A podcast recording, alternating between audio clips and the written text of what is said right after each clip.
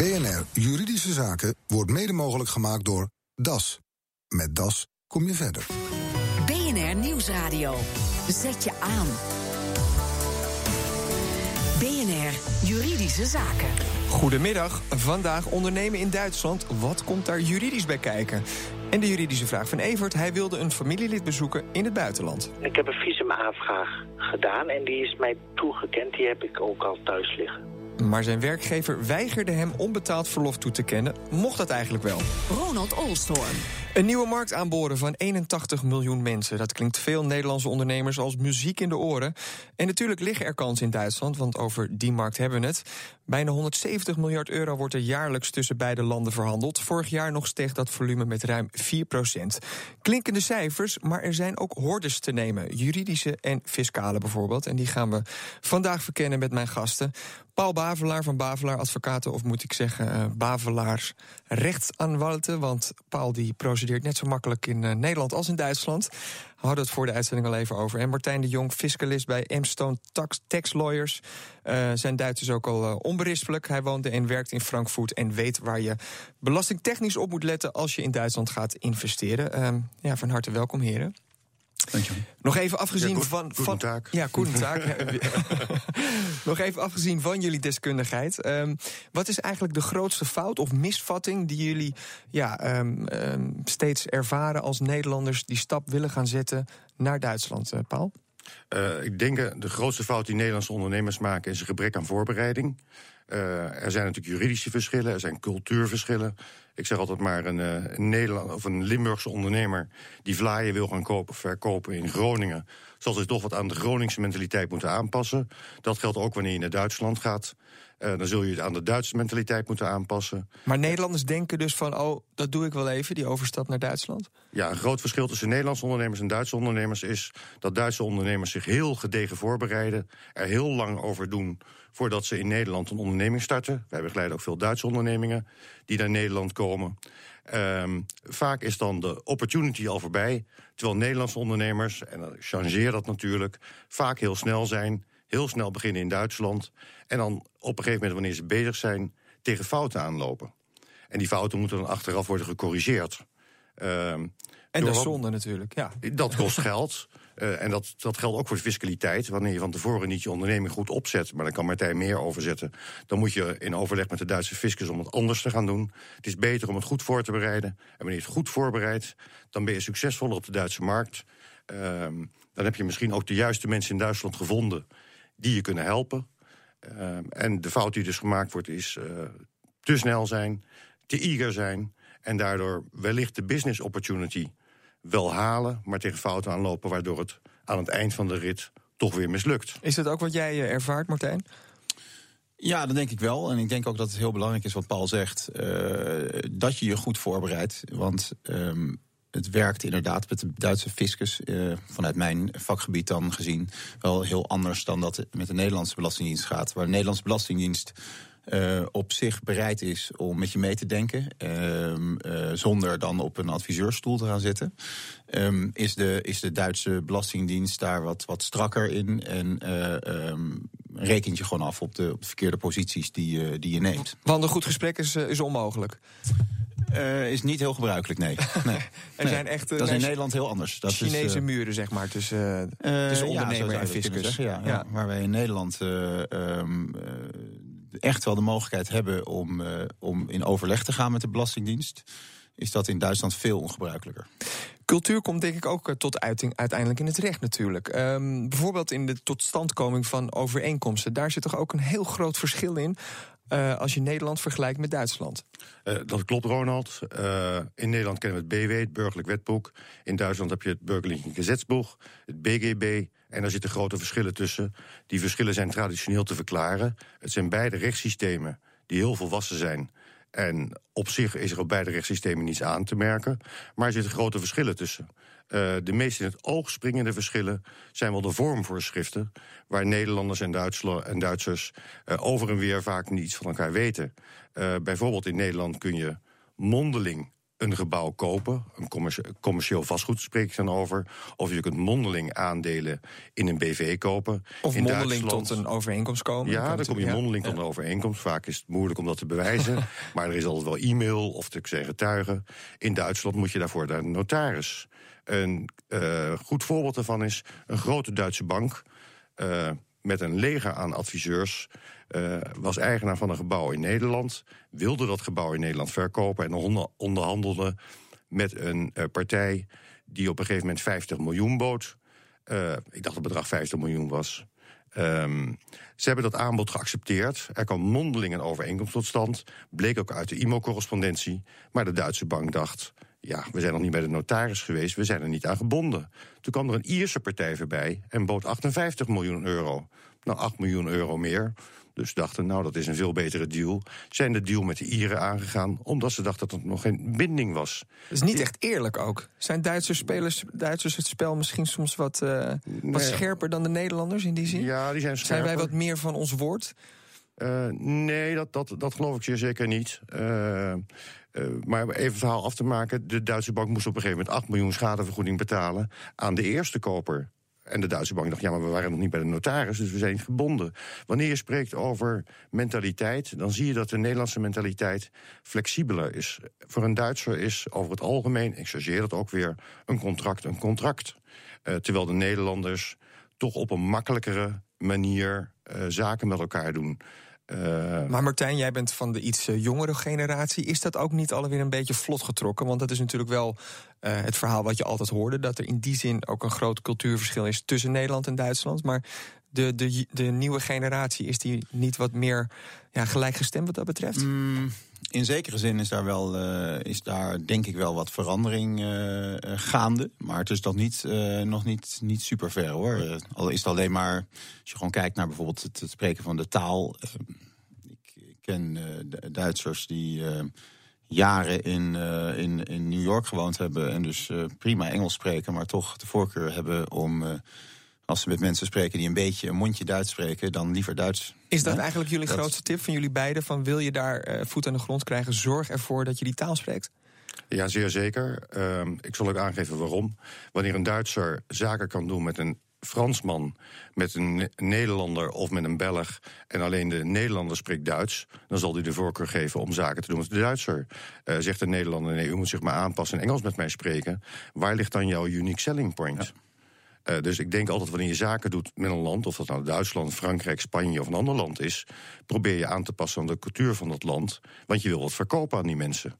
En een van eh, de belangrijkste punten daarbij is het beheersen van de taal van het desbetreffende land. En als je daar dan dus eh, actief wil gaan zijn met, jou, met jouw zaken, is het dan het verstandigst om dat bijvoorbeeld. Ja, hangt het af van het geval? Kan je het soms ook met een samenwerking doen met een Duitse partner? Of is het verstandiger om echt een Duitse vennootschap op te richten?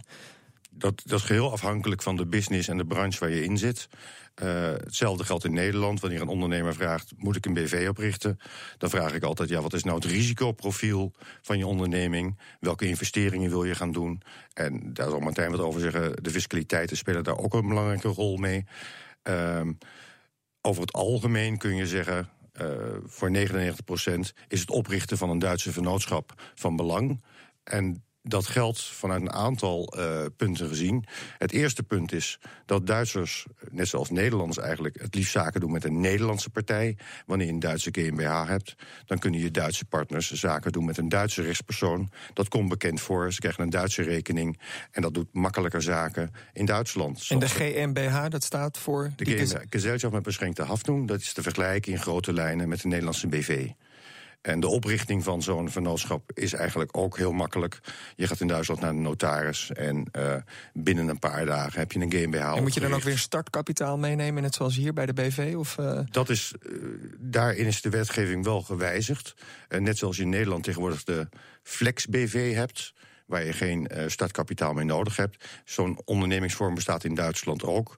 Maar wanneer je wat serieus wil voorkomen, dan is het verstandig om een eh, echte GmbH op te richten, waarvan het. eh, kapitaal dat je moet investeren minimaal 25.000 euro bedraagt. Maar die 25.000 euro kun je natuurlijk altijd gebruiken voor je marketingbudget in Duitsland. Het Duitse personeel wat je moet betalen. Dat hoeft niet in kas te blijven. Dat maar eigenlijk zeg je van als je daar echt een beetje wilt meedoen, richt zo'n GmbH op? Over het algemeen wel. Is dat een verstandige stap? Ja. Ja, eh, en ja, nog even Het kort. schermt, ook de, het schermt ook de aansprakelijkheid af. Want wanneer je in Duitsland begint, weet je nog niet of je succesvol zal zijn. En wanneer je eenmaal die 25.000 hebt geïnvesteerd, dan weet je dat dat je maximale aansprakelijkheid is. En dat het niet. eh, natuurlijk kun je meer gaan investeren, maar dat is een vrijwillige keuze. Eh, begin je met een, met een filiaal in Duitsland, dan ben je vol aansprakelijk voor alle Duitse activiteiten. Straks gaan we eens beluisteren wat dat betekent voor de Steuer. Want eh, nou ja, als je een beetje Duits spreekt, dan weet je dus wat, dat we het dan over de belasting hebben. Ehm, want er is ook nog een nieuw belastingverdrag tussen Nederland en Duitsland. BNR Nieuwsradio. Zet je aan. BNR Juridische Zaken. Vandaag hebben we het over de juridische en fiscale obstakels van ondernemen in Duitsland. In de studio zijn advocaat Paul Bavelaar en fiscalist Martijn de Jong. Twee heren die weten wat erbij komt kijken om die Duitse markt te betreden. En liefst te veroveren natuurlijk. Ehm, voor de onderbreking hadden we het over de Duitse GmbH, de Duitse BV natuurlijk, of de, het equivalent van de BV. Eh, Martijn, maakt dat qua fiscaliteit uit of je dus eh, inderdaad zo'n zo'n GmbH opricht? Is dat voordeliger dan bijvoorbeeld hier gewoon je, nou ja, je vennootschap houden en het vo- voldoen met een, eh, met een filiaal al daar? Ehm, dat is niet per se altijd eh, zo makkelijk te zeggen. Want op zich, op het moment dat jouw, eh, jouw filiaal daar eh, genoeg substance heeft, de- zal die vergelijkbaar behandeld worden fiscaal als een, als een, een GmbH. Maar waar we het net al ook, al- even over hadden, is dat, dat er andere, vaak andere redenen aan ten grondslag liggen om te kiezen voor zo'n GmbH. Eh, namelijk om een eh, eh, echt Duitse presence te hebben daar, een Duitse aanwezigheid. Ehm, eh, wat vertrouwen wekt bij Duitse klanten. En, ehm, eh, en dat is vaak een, een argument om een Duitse vennootschap eh, op te richten. En wat ook weer vertrouwen wekt bij de Duitse fiscus misschien. Of, Eh, nou, dat hoeft op zich niet heel, heel veel anders eh, te zijn. Oké. Nee. Eh, er is sinds dit jaar is er een, eh, een nieuw belastingverdrag eh, van toepassing tussen Nederland en Ja. Duitsland. Heeft dat nog veel eh, veranderingen teweeggebracht als het gaat om eh, ja, zaken doen in Duitsland? Ehm, dat is iets wat we, eh, wat we moeten gaan afwachten. Het, eh, het oude verdrag was eh, van 1959. Heel oud. Dat is een van de oudste verdragen die we nog hadden. Wat op zich wel bijzonder is met, je, met je grootste handelspartner. En het heeft jaren gekost om, om dat te heronderhandelen. Ehm, in 2012 was het dan zover. En toen hebben wij hier in Nederland er nog eindeloos lang over gedaan om dat, dat verdrag te ratificeren. Maar goed, En de inzet is zo hoog of zo? Waarom wordt dat zo helemaal uit onderhandeld? Want Ehm, ja, er zaten allerlei, eh, allerlei onderhandelingspunten eh, in waar, eh, waar men in Nederland blijkbaar dus niet helemaal over uitkwam. In Duitsland was men er wat sneller over eens. Ehm, het is natuurlijk best een belastingverdrag geven en nemen. Hè. Het probeert te, te, de, de, de, de, het recht op het heffen van belasting te verdelen tussen de beide landen. Eh, waarbij, ehm, eh, eh, waarbij dat dus echt een onderhandeling is tussen die twee landen. Wie over welke wie is, wie is, inkomensbestanden wie is er het eh, gunstigst uitgesprongen, denk jij? Als het goed is, zou dat een, een eh, evenwichtige verdeling moeten zijn. Natuurlijk. Nee, ehm, nou, er zitten wel wat, wat elementen in die, eh, die voor ons, eh, denk ik, wel gunstig uit kunnen pakken. Duitsland eh, hanteert een hoop eh, anti-misbruikbepalingen. ehm, ter bescherming van zijn eigen markt, denk ik. Eh, en eh, die gaan vaak eigenlijk veel te ver. En die zijn eh, ten opzichte van, van bepaalde Nederlandse situaties onder dat verdrag wel versoepeld. Dus in die dus zin dat- verwacht je dat het het zaken doen in Duitsland makkelijker zou, het, moeten zou maken? het makkelijker moeten maken, ja, in, die, in, die, in die situatie. En ook voor wat betreft de positie van grensarbeiders zijn er wel verbeteringen in het verdrag gekomen.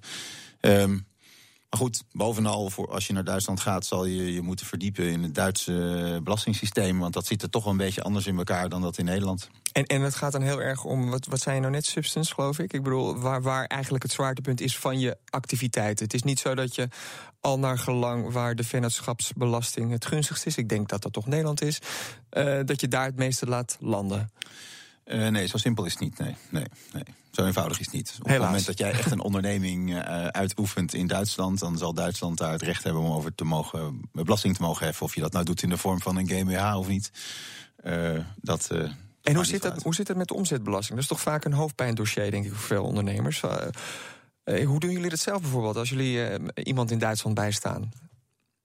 Ja, dat hangt er vanaf uh, aan, aan, wie je uiteindelijk een factuur stuurt. Normaal zo gesproken zal dat voor ons zullen dat ook ondernemers zijn, verwacht ik zo. En dan ehm, dan, uh, dan zetten wij geen Nederlandse BTW op onze factuur. Althans, dat doe ik niet, Paul. De, BTW, de BTW mag worden verlegd wanneer het werk vanuit, uh, vanuit Nederland wordt gedaan. Maar een ander punt, uh, daar wil ik weer op terugkomen.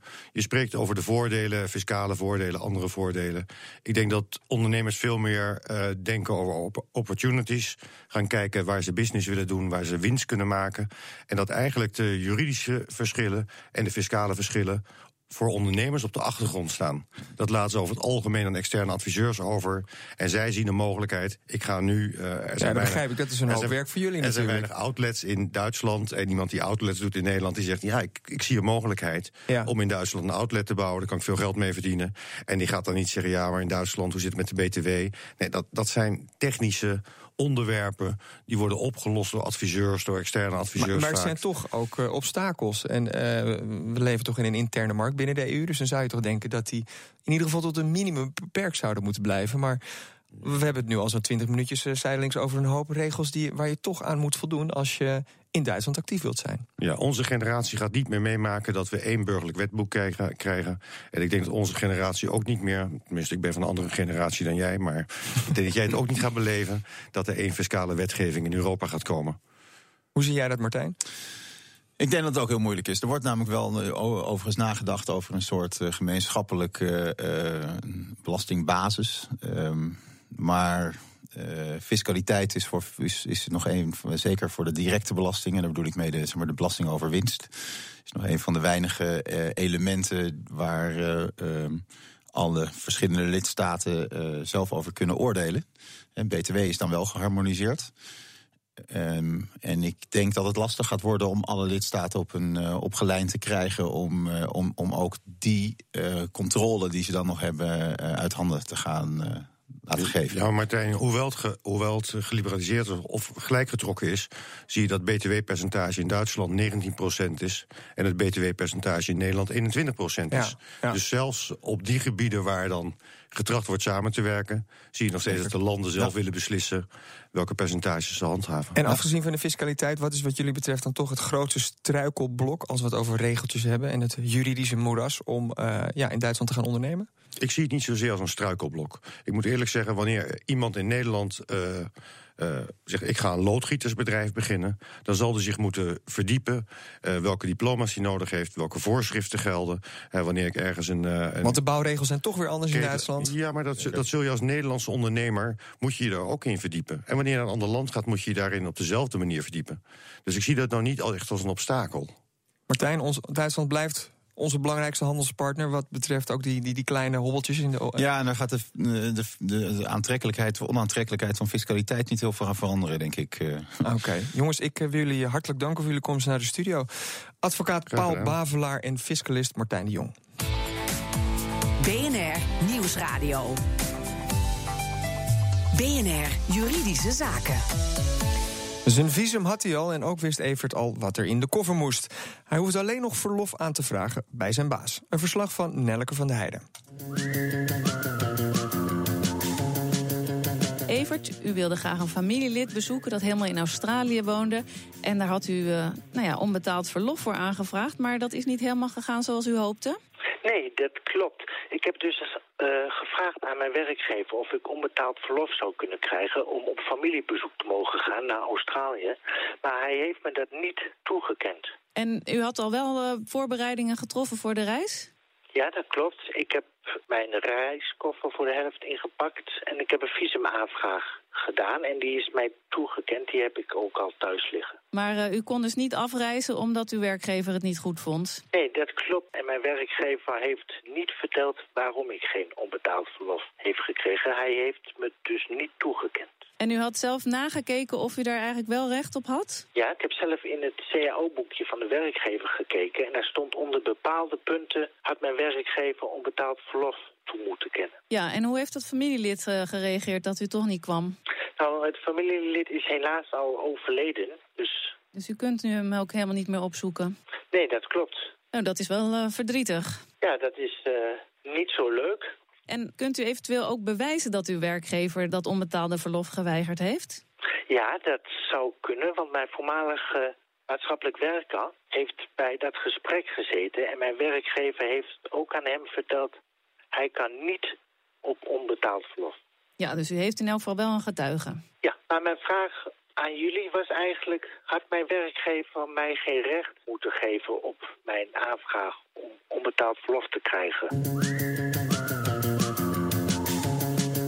Aurelie van Dijk van Beer Advocaten. Evert vraagt zich af of hij niet eigenlijk recht had gehad op onbetaald verlof om zijn familielid te bezoeken. Nou, dat is een goede vraag van Evert. Als je kijkt naar de wet, dan bestaat er voor de werknemers geen recht op onbetaald verlof. Uiteraard wel in gevallen als ouderschapsverlof of zorgverlof. Maar ik begrijp dat hier sprake is geweest van een verzoek om onbetaald verlof. En dat betekent dat je terugvalt op de arbeidsovereenkomst of op de CAO. Nou begreep ik uit het verhaal van Evert dat er een CAO van toepassing is geweest op zijn arbeidsovereenkomst. Ik heb daar zelf ook even in gekeken. En daaruit maak ik op dat er onder bepaalde omstandigheden inderdaad een verzoek kan worden ingediend bij de werkgever om onbetaald verlof. Um, en dan kun je bijvoorbeeld denken aan een ernstig ziek uh, familielid, zoals ouders, kinderen of partners. Dat is wel een beperkte groep familieleden waar een dergelijk verzoek voor kan worden ingediend. Dus als het om een oom gaat, heeft hij niet recht op dat onbetaalde verlof? Dat klopt. Hij zal zijn CAO er even op moeten naslaan welke familieleden onder die regeling voor buitengewoon verlof vallen. En als het familielid niet in de opsomming staat, dan betekent dat dat de werkgever vrij stond om het verzoek af te wijzen. Maar het is wel heel zuur, want dat familielid is inmiddels overleden. Ja, ik kan me voorstellen dat Evert daar toch nog iets mee wil. Dat kan ik me ook voorstellen. Nee, ik kan vertellen wat hij had kunnen doen. Wanneer een werkgever het verzoek afwijst, dan betekent dat dat je de mogelijkheid hebt om voor te leggen aan de rechter of er met beroep op het goede werkgeverschap toch niet alsnog toestemming moet worden verleend voor het verlof. Dan zal de rechter de belangen afwegen. Helaas is deze optie voor Evert inmiddels uh, nou ja, niet meer relevant. Hè. Nu zijn familielid is komen te vervallen. Dan neem ik aan dat hij zou willen weten of hij een beroep kan uh, doen op een eventuele schadevergoeding. En dan zal ik hem helaas moeten teleurstellen wanneer het gaat om bijvoorbeeld een oom. Omdat nou ja, het de werkgever vrij stond om het verzoek af te wijzen. En er toch wel sprake moet zijn van onrechtmatig handelen. En ik nu niet kan vaststellen dat daarvan sprake is geweest. Zegt advocaat Audolie van Dijk in een verslag van Nelke van der Heijden. En heeft u zelf een juridische vraag? U kunt hem naar ons mailen. Het adres is juridischezaken.bnr.nl.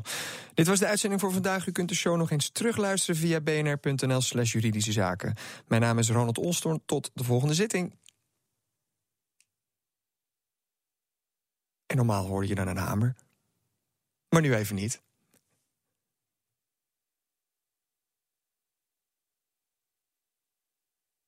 Oh, en we kunnen ook de reclame niet instarten. Goedje, door.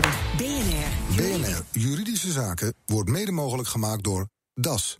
Met DAS kom je verder. Zeg Steve, heb je het al gehoord? Daimler Fleet Management biedt corporate carsharing. Ja, dat weet ik. Daarom ga ik een bezoek brengen aan hun stand tijdens het Fleet Management Event op dinsdag 24 mei in de Vanellenfabriek in Rotterdam. Daimler Fleet Management is startklaar voor de nieuwe mobiliteit. Met initiatieven die inspelen op mobiliteitsvraagstukken van morgen. Zoals corporate carsharing, waarbij de total cost of mobility drastisch omlaag kan. Bezoek onze stand op het Fleet Management Event. Daimler Fleet Management. Excellent Drive. Vanavond om 7 uur in BNR Startup. Voor wie beginnen helemaal het einde vindt. Scrummen. Een techniek waarin je met de helft van de tijd twee keer zoveel kan doen. Een fabel of echt waar? Vanavond om 7 uur in BNR Startup. BNR Startup wordt mede mogelijk gemaakt door Eneco. Welkom in de nieuwe wereld.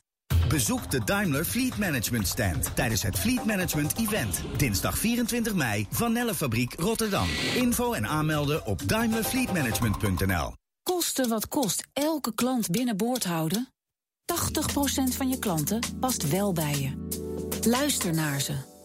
CustomEyes.nl Het nieuwe 4G-netwerk van T-Mobile is het best geteste netwerk van Nederland. Daar zijn we best trots op. Want we doen enorm ons best om zakelijk Nederland meer te geven. Dus als u naast de beste mensen, de beste leveranciers en de beste producten ook het best geteste netwerk wilt, waarmee u zorgeloos internet en belt, dan kunt u het beste even kijken op teammobile.nl/slash zakelijk. Moderne ondernemers kiezen geen boekhoudpakket, die kiezen yuki.nl. Bij T-Mobile belt u de eerste 24 maanden onbeperkt en krijgt u 5 gig voor maar 28 euro per maand. Kijk op t-mobile.nl/slash zakelijk. BNR Weer. Ik ben Wouter de Baar van Weer.nl.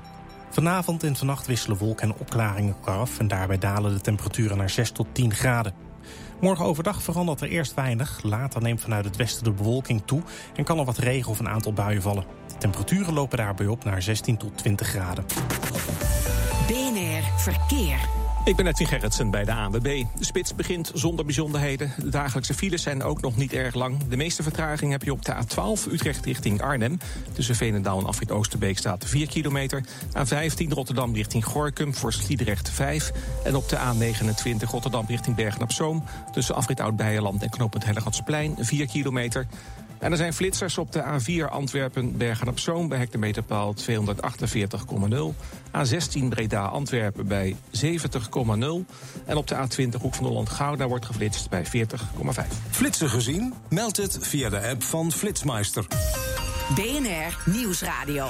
Petra Grijs. Formule 1 reizen gaan als warme broodjes over de toonbank. Met dank aan natuurlijk Max Verstappen. Zometeen vertellen we je er alles over in Spitsuur. Nu eerst nieuwsupdate van 4 uur met Jan Ad Adolfsen.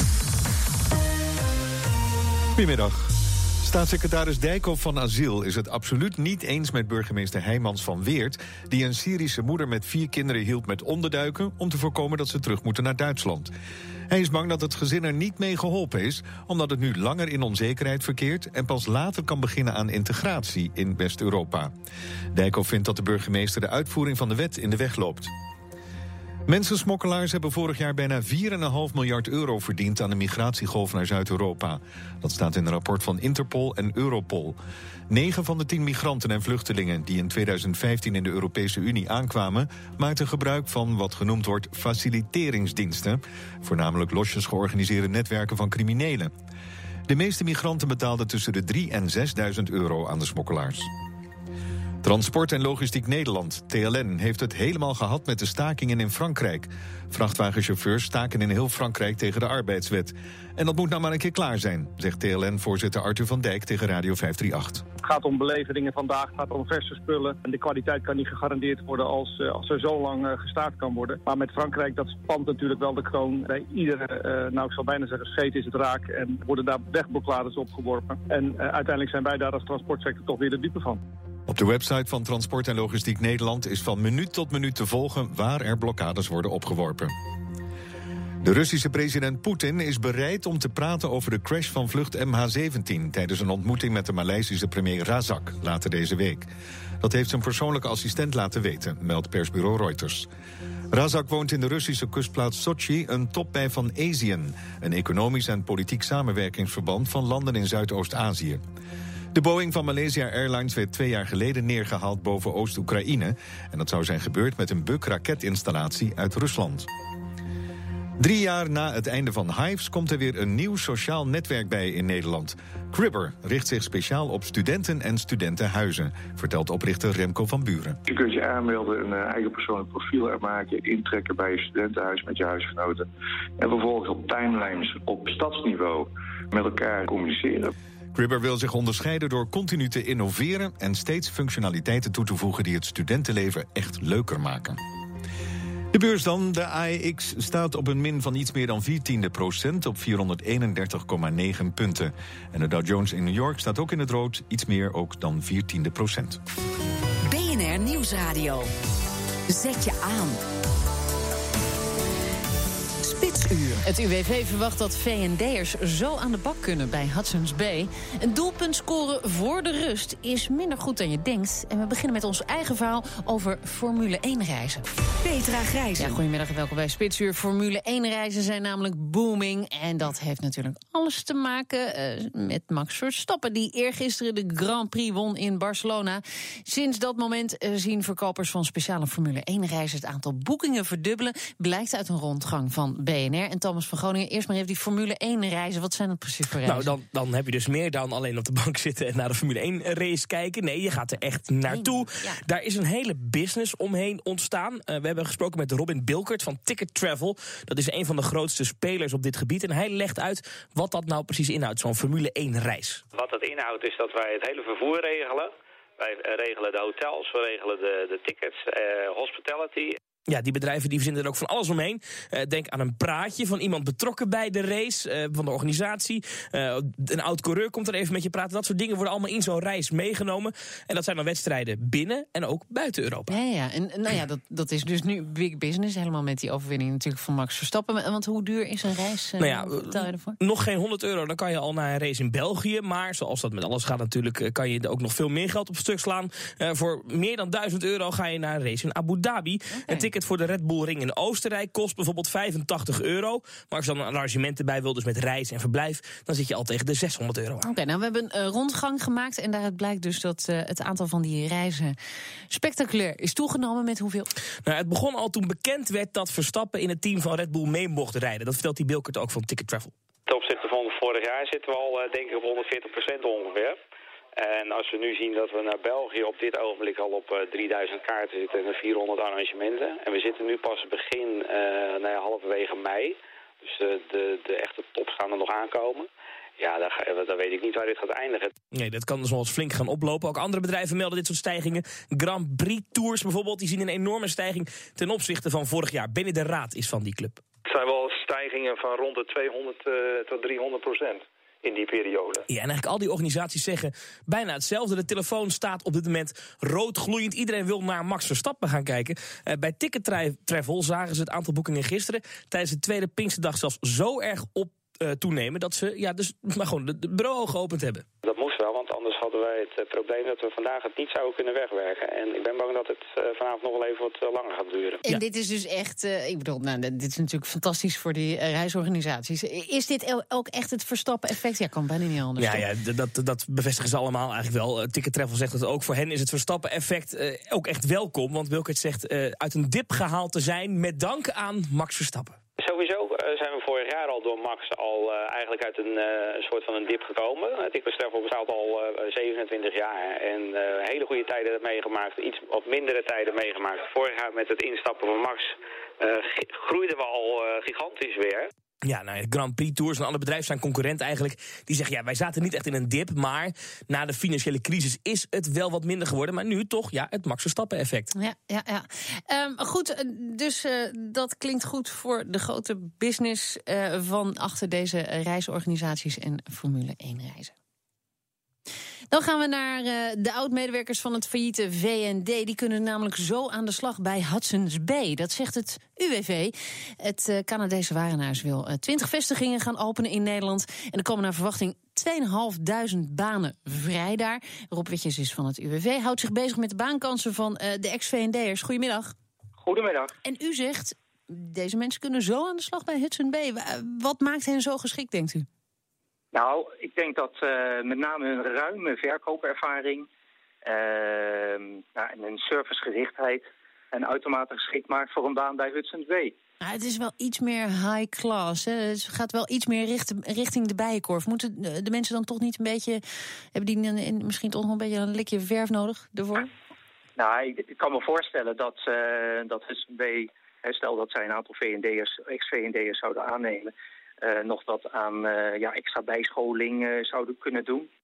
Maar kijk, als je puur kijkt naar ja, de, de, de, de kerncompetenties van mensen die ook wat langer bij V&D werken, ja, dan kom je toch uit op ruime verkoopervaring, flexibel, servicegericht, oplossingsgericht. Nou, zo kan ik er nog wel een aantal noemen.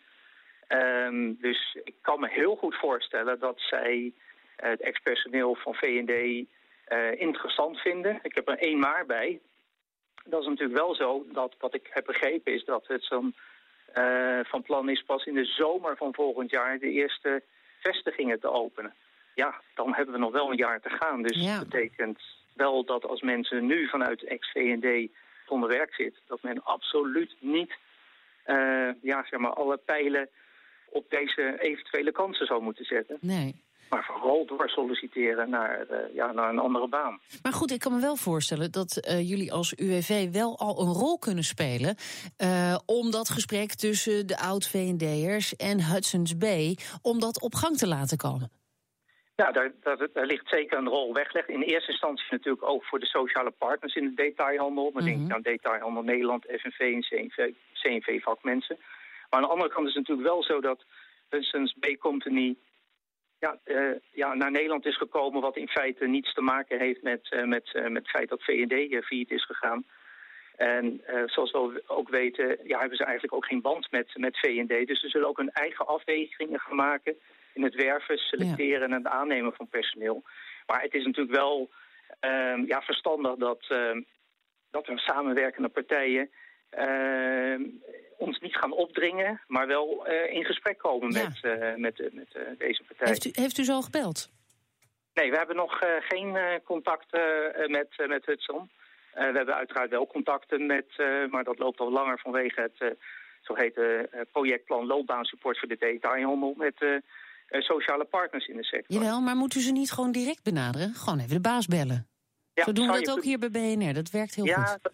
Dat, uh, snap ik goed, maar ik denk toch dat je uh, daar, ja, zeg maar, dat het wel verstandig is om eventjes, het nieuws is vandaag en gisteren pas, pas tot, tot ons gekomen, dat je dus in ieder geval wel met de samenwerkende partijen gezamenlijk optrekt. en niet de indruk gaat wekken dat je even... Dat je te pushy wat Mensen, ja, nou ja, dat je wat mensen door, even plat gezegd, door de strot wilt douwen. dus je moet heel goed met elkaar uh, nadenken. En ik heb ook begrepen dat Hudson Bay Company medio juni bekend gaat maken wanneer of welke panden, welke van de twintig panden het gaan worden. Dus ik denk wel dat het verstandig is om uh, goed vinger aan de pols te houden, in gesprek, ja. heel snel in gesprek te komen. Maar niet, ja, maar niet uh, meteen een belletje plegen van uh, roepen van. Ja, ik zou het gewoon doen. Rob Witjes van het UWV, dank u wel. BNR Nieuwsradio. Spitsuur. Petra Grijzen. Gaan we naar de beveiligers op Schiphol. Die vinden dat ze te lang moeten staan. En daarom gaan ze deze week actie voeren. Kondigt vakbond FNV aan, uh, die de acties organiseert. De gesprekken tussen de vakbonden en de luchthaven... die slepen al jarenlang voort. Leen van der List is projectleider Schiphol bij uh, vakbond FNV. Ja, meneer van der List, uh, wat is precies het probleem? Nou, precies het probleem. Het is een, veelkoppig probleem. Maar uh, het komt erop neer dat de werkdruk voor de beveiligers zo hoog is... dat ze vaak uh, ziek van worden en gezondheidsklachten hebben. Maar ook dat de werkdruk zo hoog is dat dat ten koste gaat van hun alertheid. En dat leidt wel weer tot een veiligheidsrisico. Nou ja, we, we, ik heb ook even uh, wat stukken van u gelezen over wat er allemaal mis is. En dan komt daar vooral naar voren dat uh, mensen vinden dat ze te lang staan. Hoeveel langer dan afgesproken uh, staan die beveiligers? En dan heb ik het dus de plek die iedereen kent... waar je je schoenen uit moet doen, je laptop mm. moet laten zien, die plekken. Ja, ja. ja daar, nou, als u daar regelmatig komt, zult u zien dat die mensen zich bewegen op één vierkante meter. Hè, dus verder niet komen. Ze staan daar op dit ogenblik uh, 2,5 uur. En er liggen wetenschappelijke aanbevelingen die zeggen dat het terug moet naar 2 uur. Maar dan moet je ook nog voldoende uh, voorzieningen treffen om uh, te kunnen zitten. Tref je die voorzieningen niet, dan zou het zelfs terug moeten naar uh, goed anderhalf uur. Uh, zo uh, zegt een TNO-rapport. Mm -hmm. En dat gebeurt dus niet op Schiphol? En dat is tot op dit moment niet. Nee. Nee. Wat gaat u nu doen deze week? Want er nou, wordt actie gevoerd. Wat, wat merk ik daar als reiziger van? als het goed is, merkt u er daar in ieder geval deze week nog niet zo heel veel van. Anders als dat u ons misschien tegenkomt omdat wij u graag willen informeren over waarom of dat wij actie voeren. U gaat folderen? We gaan uh, A, folderen, maar B, wij gaan ook een korte werkonderbreking organiseren. Alleen die is uh, van die aard dat dat niet gaat leiden tot uh, het missen van vliegtuigen. Ik hoef niet een uur eerder naar het vliegveld of zo? Als Schiphol vindt dat u een uur eerder moet komen, dan uh, moeten zij daarover uh, communiceren. Ja, Wij zullen... u, u, gaat actie voeren, dus dan ja. uh, moet u ook even daar. Want ik kan me voorstellen dat mensen denken, nou, actie voeren prima, maar dan wil ik ook weten waar ik aan toe ben. Dus... Ja, dat kan, ik, kan ik mij goed voorstellen. Alleen we moeten de verantwoordelijkheden goed houden. Wij informeren Schiphol over de duur van de actie. Schiphol zal dan besluiten of, daar, of u eerder of niet ja. naar het vliegtuig moet. En ik zeg u, de eerste actie die wij voeren, als u uh, op tijd bent, want u wordt nu al gevraagd om drie tot vier uur van tevoren aanwezig te zijn, dan zult u een vliegtuig niet missen. Nou, drie, vier uur van tevoren, niet dat voor een Europese vlucht hoor. Nou, dat, ik kan u verzekeren dat Schiphol uh, daar regelmatig oproepen toe gedaan heeft. Ik ben laatst nog naar Griekenland gevlogen. Een paar weken geleden moest ik twee uur van tevoren er zijn. Dus drie, ja, vier uur ja. is echt veel te lang. Als, als dat moet, omdat er acties zijn, dan zou ik dat nee, graag dat willen is weten. Niet, nee, nee, dat is niet omdat er acties zijn. Als ik dit citeer, dan citeer ik uit uh, berichten die Schiphol verspreid heeft. Uh, en heeft aangegeven, u wordt aanbevolen om tijdig op Schiphol te zijn en bij voorkeur drie uur van tevoren. Maar ik begrijp deze week alleen folderen, that's it. Mensen hoeven zich geen, Nee, geen nee. zorgen te maken. Laat ik zo zeggen, folderen en een korte actie, waarbij die korte actie geen, niet leidt tot het missen van het vliegtuig. Leen van der List, projectleider Schiphol bij vakbond FNV. Het is kwart over vier, zometeen in Spitsuur. Heel Amerika klust, meer dan ooit tevoren. Blijf luisteren. Moet ik nou investeren in mensen of in robots? Made in Holland of toch India? En zal ik een IT-consultant of een hacker inhuren? Nieuwe tijden, nieuwe vragen. Ga op zoek naar de antwoorden. Kijk voor een managementopleiding op tias.nl. Tias Business School. Never stop asking. Je eigen koers varen. Lekker hè, dat ZZP'er. En daar wil je vast nog meer uithalen. Bij BNR ZZP Café helpen je het maximale uit je onderneming te halen. Bijvoorbeeld door de verhalen van andere professionals. Elke zaterdagochtend vanaf 11 uur live vanuit En Somehow Places in Amsterdam. Super als je langskomt om mee te praten in de show. Maar luisteren kan natuurlijk ook op BNR. ZZP Café wordt mede mogelijk gemaakt door Ziggo. Partner van Ondernemend Nederland. Hallo ondernemers en fleetmanagers. U en uw bestuurders rijden natuurlijk heel efficiënt. Schakelen op het juiste moment en besparen brandstof. Weet u dat zeker? Of wilt u dat zeker weten?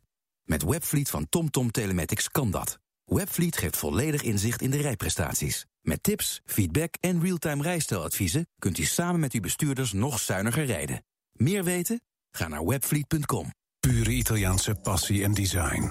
Dat is de Maserati Ghibli. Een exclusieve vierdeurs sedan vanaf 83.640 euro. Of lease hem tegen het verrassende tarief vanaf 699 euro per maand. Maserati Ghibli. Volg je hart, zonder je gezonde verstand te verliezen. BNR Verkeer. We gaan naar Edwin Gerritsen eh, vanmiddag eh, voor de ANWB, de filelezer bij ons. Eh, Edwin, wat eh, verwacht je voor vanmiddag? Het is, eh, ja, wordt een redelijk drukke spits. Eh, de meeste mensen moeten dus weer aan het werk. Eh, de bijzonderheden die zijn er niet op veel plaatsen. Op de A9 Alkmaar richting Diemen staat de ankerpotte vrachtwagen... tussen Aalsmeer en Knoop het Honendrecht. 7 kilometer file met 20 minuten vertraging. Eén rijstrook is daar dicht. Je kan beter omrijden via de ring van Amsterdam. Op de A58 Tilburg richting Eindhoven... tussen Moergestel en Best 4 kilometer. Dat komt er een ongeluk met een vrachtwagen. En er zijn flitsers op de A1 Hengelo-Apeldoorn... bij hectometerpaal 108,6. Op de A20 Hoek van Holland-Gouda wordt geflitst bij 40,5. En op de A35 Almelo-Enschede bij 52,8. Flitsen gezien? Meld het via de app van Flitsmeister. BNR Beursupdate. Amerikanen die zijn weer massaal aan het klussen geslagen bij de grootste doe-het-zelf-keten. Keten, Home Depot is dat. Eh, gaat de omzet door het dak? Nou, Rob Jansen, ik zeg weer, want het was wel eens anders. Het was wel eens anders. Eh, Amerika heeft natuurlijk ook een. eh, dat ligt wel al wel enige jaren achter ons. Het is allemaal begonnen, de crisis met problemen bij, op de Amerikaanse woningmarkt. En daar gaat het een stuk beter. Het bedrijf geeft ook nog als reden waarom het in het eerste kwartaal zo goed is gegaan. Het weer, waardoor het makkelijker is om voor mensen buiten het huis bezig te zijn en beter te kunnen klussen.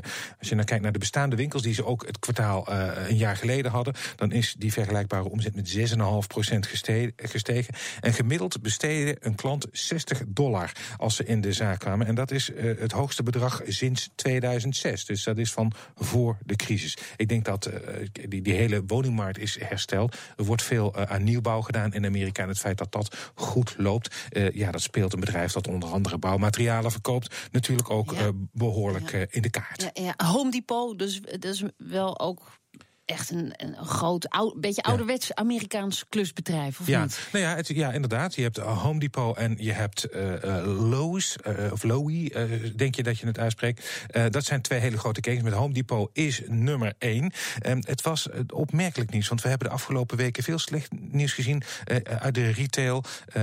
Dat veel winkelketens last hadden van Amazon. Amazon is, is inmiddels, als het bijvoorbeeld om kledingverkopen gaat, de op één na grootste retailer in Amerika. Uh, is deze doe-het-zelf-ketens weten, uh, zich nog, uh, weten Amazon nog redelijk van zich af te houden. Al spe, ja, speelt die vrees misschien op de achtergrond nog wel een beetje mee bij beleggers. Want ondanks die goede cijfers staat het aandeel 0,8% in het rood. Dankjewel, Rob Jansen. BNR Nieuwsradio. Spitsuur.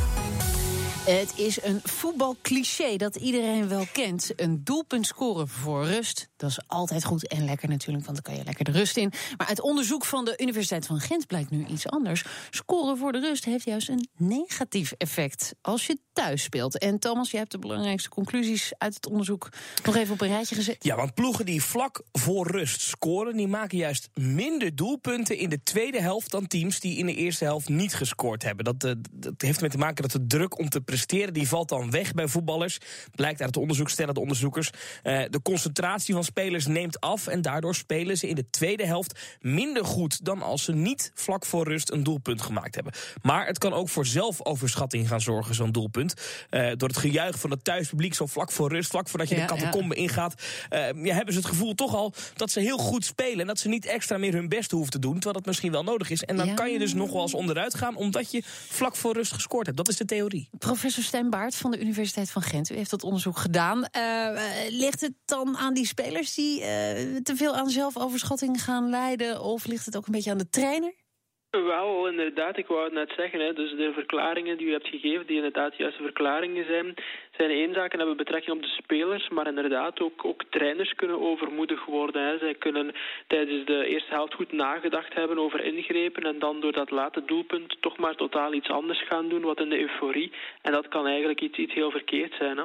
Ja, bijvoorbeeld... Wel, zij kunnen bijvoorbeeld denken van die of die speler, uh, die deed het niet zo goed, we gaan die eruit halen, maar dan door dat late doelpunt toch denken dat alles prima is en dat dan maar niet gaan doen. Dus de emotie van dat late doelpunt, uh, ja, die kan eventueel de, de euforie, of, of de euforie kan uh, ja, de rationaliteit daar een beetje gaan overheersen. Ja, ja, want scoren net voor rust, hè, het gaat echt om die laatste minuten ja. voor rust, dat is niet goed. Maar op welke tijd moet je dan wel scoren voor een goed eindresultaat? Heeft u daar ook conclusies ja. Over? Wel, dat vroegen wij ons ook af. Hè. We hebben dan eigenlijk, uh, we zijn naar 1200 wedstrijden uh, gaan kijken en uh, we hebben die, die eerste helft mooi opgedeeld in deeltjes van vijf minuten of in deeltjes van een kwartier.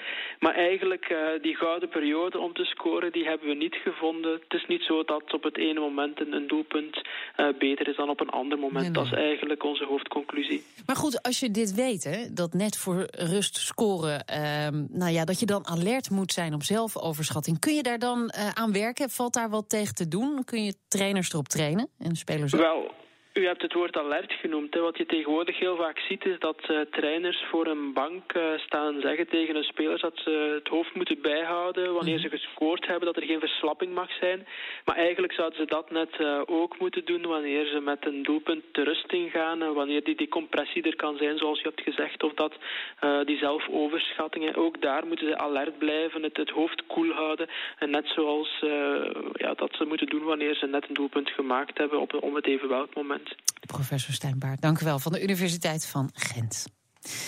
De politie in Brabant had de dood van verpleegster Linda van der Giezen kunnen voorkomen. Ze focuste te veel op protocollen en te weinig op actie. Dat is de belangrijkste conclusie van een speciale commissie die de moord onderzocht. Linda van der Giezen die werd vorig jaar door haar ex doodgeschoten. En vlak daarvoor had ze aangifte van stalking bij de politie gedaan. En die greep niet in. Je hoort hoofdcommissaris van de politie Zeeland-West-Brabant, Hans Vissers. We hadden natuurlijk op basis van de voorliggende informatie Hè, uh, enkele dagen uh, voor de dood van uh, Linda kwam geleidelijk meer informatie binnen over het feit dat de verdachte bezig was een vuurwapen aan te schaffen. Het werd steeds urgenter. Ja, het, er zat, het was niet zo dat het van begin af aan nu zo duidelijk was. Maar in, in de dagen tussen de eerste aangifte en haar overlijden... heeft er een soort groei in informatie plaatsgevonden. Dat zegt de commissie ook. En daarna concludeert de commissie... er had meer professionele alertheid moeten zijn bij de dienstdoende agenten. Ik zou dat zeggen, guts feeling. Van hier moeten we wat mee. Geen protocollen aan de slag. Ja, eh, ik denk dat dat zo is. Eh, tegelijk